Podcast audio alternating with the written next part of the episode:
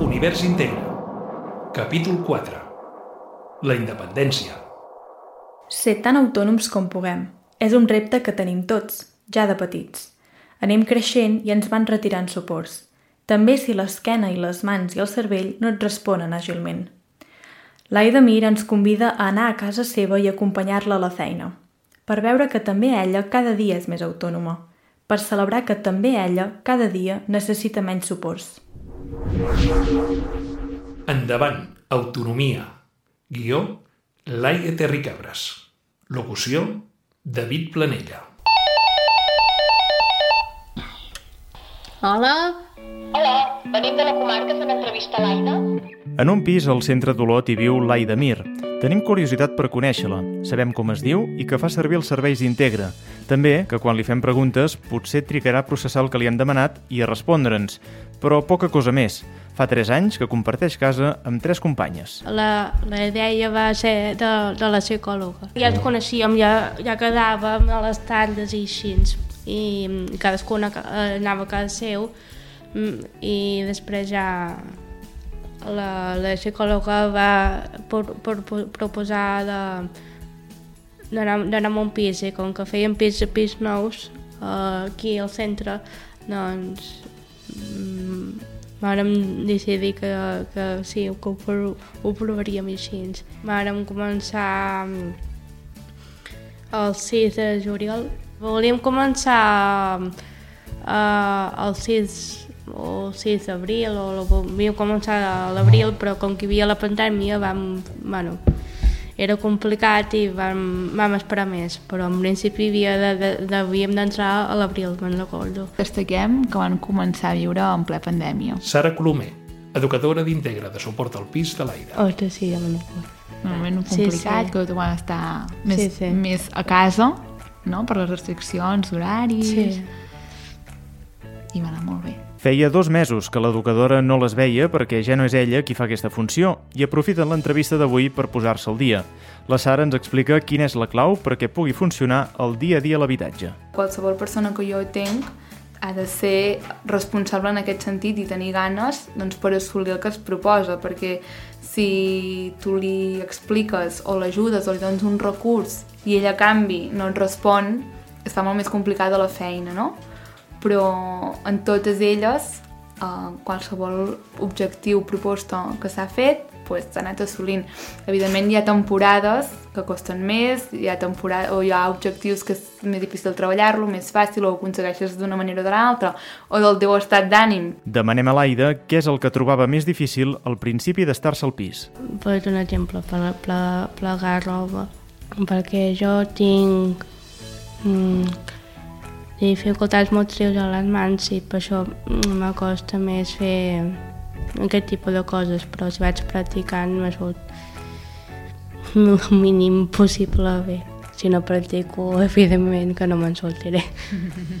Com per exemple estendre la roba, que em va costar moltíssim, vaig haver de prendre força perquè al principi m'havien d'ajudar força, i que aquí no me'n surto, com dir, no me'n sortiré ni em, mm, no em veia capaç d'en sortir-me'n.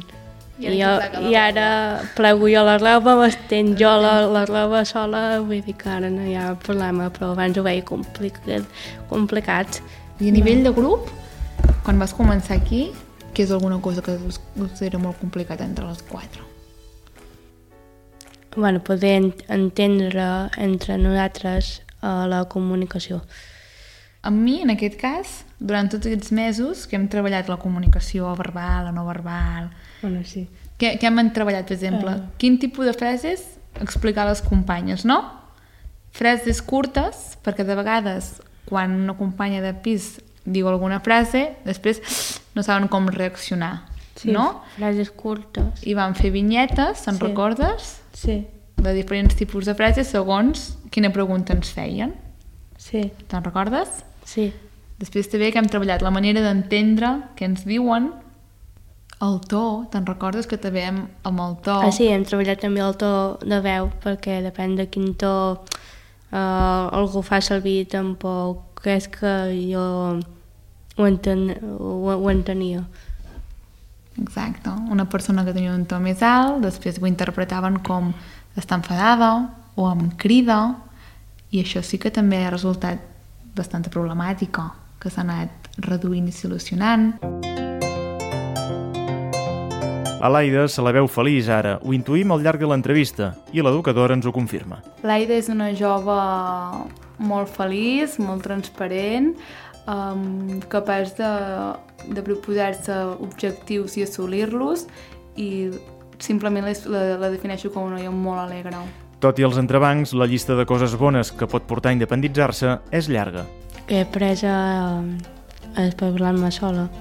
Um, anar al súper sola, uh, que això ho faig moltes vegades i m'agrada. A comprar les coses que facin falta de, del comú per totes quatre.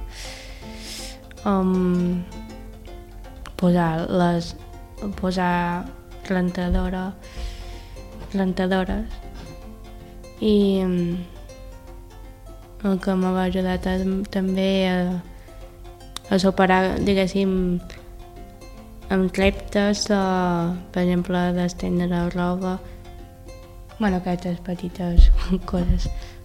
Estàs contenta de tot el procés? Sí. T'agrada eh? veure que és gratificant, que tot el que fas fiques il·lusió, Sí. fiques gana, quan assoleixes alguna cosa, no? Quantes vegades he entrat pel pis Sí. i has vingut supercontenta? Sara, ho he Sí, fet. moltes. L'Aida està contenta, però no és l'única que està satisfeta del procés. És una feina molt xula, en veritat. I és una feina que no és fàcil, no? i que també sempre has de tenir com un estat d'ànim molt positiu, perquè tothom té els, les seves preocupacions i els seus entrebancs al seu dia a dia. I venir aquí, i has de... com venia sempre, Aida? Com entrava per la porta?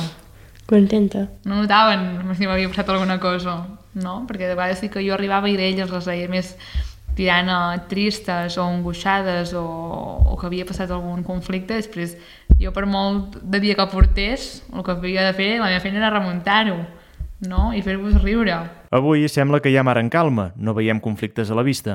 Ja fa una estona que ens ha obert la porta aquesta noia de somriure franc i de conversa espontània, i poc abans de marxar ens veiem amb cor de preguntar-li directament per la seva discapacitat intel·lectual.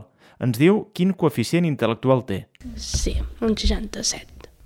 Sí. I recorda que a l'escola no tot era senzill. Ja m'ho feien fàcil, però poder alguna per mi poder era difícil.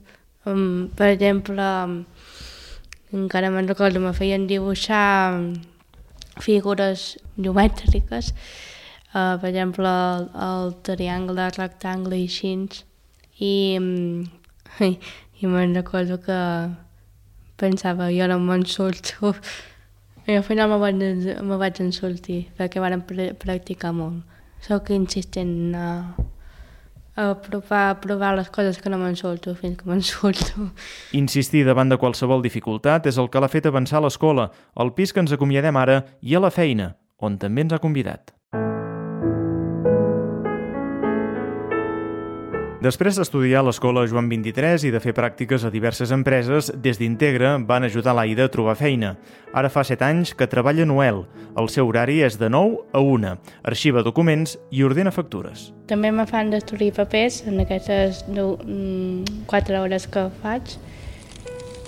M'agrada que el- quan destrueixo que la màquina faci... eh, Com que fa fressa, m'agrada sentir-la.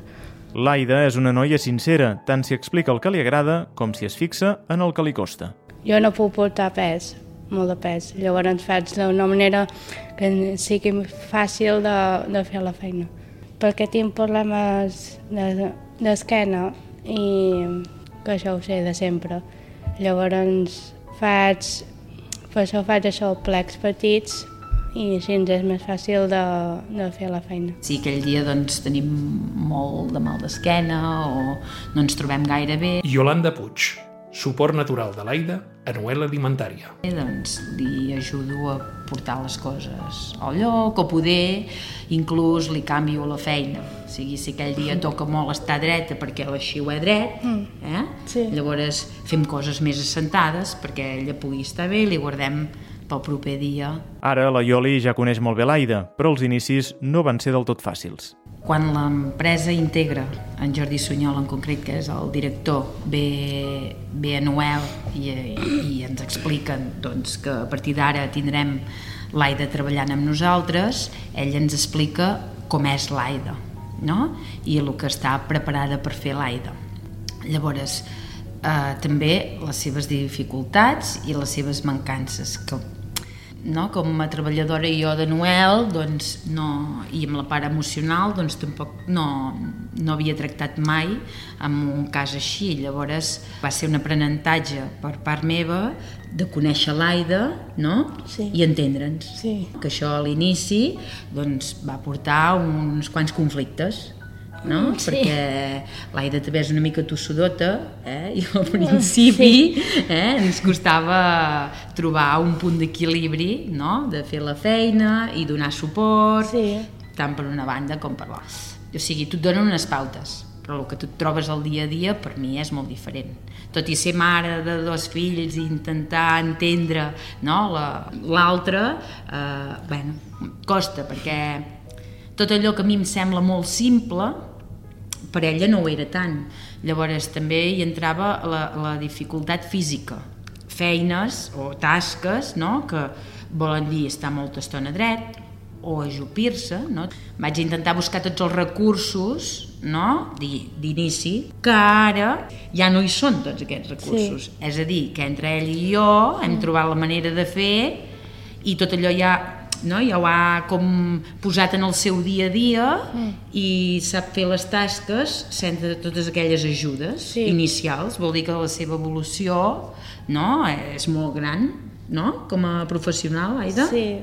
Me'n recordo que al principi de, de ser Noel, doncs, mm, jo veia els números de les factures, de, tenim els maris i tenim carpetes i eh, els números. I clar, jo veia els números super petits que jo pensava, no, aquí no me'n surto, dic, perquè i que me feien mal els ulls, que hasta la graduació de la vista m'havia canviat però com que ara ja li he trobat um, la pràctica, ja de seguida he trobat el, el número. Al final, al llarg del temps, he anat coneguent les seves limitacions, eh, Sí. Aida, per als teus mals Sí. d'esquena o per les Sí. teves emocions diàries o totes aquestes coses. Perquè l'Aida és una persona que les emocions les té flor de pell i llavors depèn, depèn, eh? Sí. depèn Sí. les coses que et passen fora de la feina, vale? l'afecten més en el seu dia a dia. Aquí he après mm, moltes coses, o sigui, he après... Um, o sigui, eh, que elles també m'han ajudat també, suposo, a gestionar les coses de... de ostres, la, la, les coses que passen a la feina es queden a la feina, les coses que passen fora es queden fora. I això m'ho anaven treballant fins que, que m'ho vaig ficar al cap que era, que era en sèrio, que, que, que no era, diguéssim que no era una broma en aquest sentit. La Ioli ha conegut molt bé els punts flacs de l'Aida, però també els punts forts. és molt humana, a part de tot el que, tot el que porta professionalment, però eh, sempre està preocupada pels demés i totes les coses que passen a la feina per ella són molt importants mm. perquè sent els companys com a seus i llavors té aquesta part que sempre es preocupa molt per tots ells. Mm. Quan va començar la pandèmia me'n recordo perfectament que, que va ser dur. Jo vaig estar un, un temps a casa i dic, vaig dir, ostres, deixa'm els preguntar sovint com estan i així, perquè clar, el Covid mm, era una cosa preocup- preocupant, no? L'Aida ha crescut en molts àmbits a Noel, emocionalment i laboralment, i al seu costat també ho ha fet la Ioli. Bueno, jo crec que l'aprenentatge que he fet amb l'Aida és molt gran perquè jo no havia conegut mai cap persona eh, de prop així com l'Aida eh, i gestionar el seu dia a dia i les seves emocions m'ha portat doncs, a intentar entendre el seu punt de vista no? I, i la seva manera de viure. No? Llavors t'has de posar en la pell d'una altra persona per entendre-la. I llavors aquest aprenentatge jo crec que ha estat molt gran i, molt positiu al llarg dels set anys. Bueno, amb el temps he, he descobert més, més confiança amb ell amb el temps, que més confiança en el sentit de, de dir-li les coses. Ara ja no em veu tant com una jefa. Eh? Som una no. mica més amigues, sí, sí o no? Sí. A més de tenir el suport natural que li ofereix la Ioli a la feina, l'Aida sap que pot comptar amb Integra, que fa acompanyaments i seguiments a l'entorn laboral de persones amb discapacitat física o intel·lectual, però també cada cop més de gent en risc d'exclusió social. Per mi és molt important l'empresa ordinària pel fet de que acabes... Yasmina Guerrero, responsable d'inserció i formació d'Integra. Uh, integrant a la persona en l'àmbit normalitzat on hauríem d'estar tots, no perquè tingui un tipus de discapacitat o un tipus de dificultat ha d'estar ficat en una empresa amb persones amb les seves mateixes característiques o semblants. Per què? Perquè mm, no, no acabes podent um, fer aflorar aquella persona en tots els àmbits. La gran majoria de persones que acompanya la Yasmina tenen moltes ganes de treballar per sentir-se part de la societat i alhora tenen por per si formaran part de l'equip, si encaixaran. El meu lema és acompanyar, facilitar i obrir consciència. Sí? Acompanyar és acompanyar la persona en tots els àmbits. Per mi no és només eh, acompanyar en l'àmbit laboral, que evidentment és l'objectiu, Llavors, el facilitar és el que dèiem, no? Aquest, aquesta presència aquest acompanyament a la feina per poder facilitar aquesta inserció, aquesta adaptació, que sigui tot natural, fluid, i l'obrir consciència és el que, el que necessitem, no? El tema de la sensibilitat a les empreses, el treure la por, el treure els prejudicis no? dels col·lectius que podem inserir, que no és... que, que, que els hem de poder adaptar en un entorn ordinari, no? Aquesta por com interrelacionar-te amb aquesta persona és, és potser el que els hi tira més enrere, no? O, o la por a pensar que, que, que es poden enfadar i com actuar, tot això és nosaltres anar tirant a terra tots aquests murs que, que, que al cap i a la fi són prejudicis que et vas muntant tu amb les seves habilitats, amb les seves capacitats, veure ben bé on t'encaixen i què és la nostra feina i què és important, que aquest encaix sigui exitós. I en el cas de l'Aida, la Yasmina destaca que s'ha adaptat molt bé a la feina, amb el coixí d'uns suports incondicionals penso que, bueno, que, que s'ha fet molt bona feina allà i que ella està superintegrada i contenta i, i que porta molts anys treballant. Llavors això és una inserció d'èxit.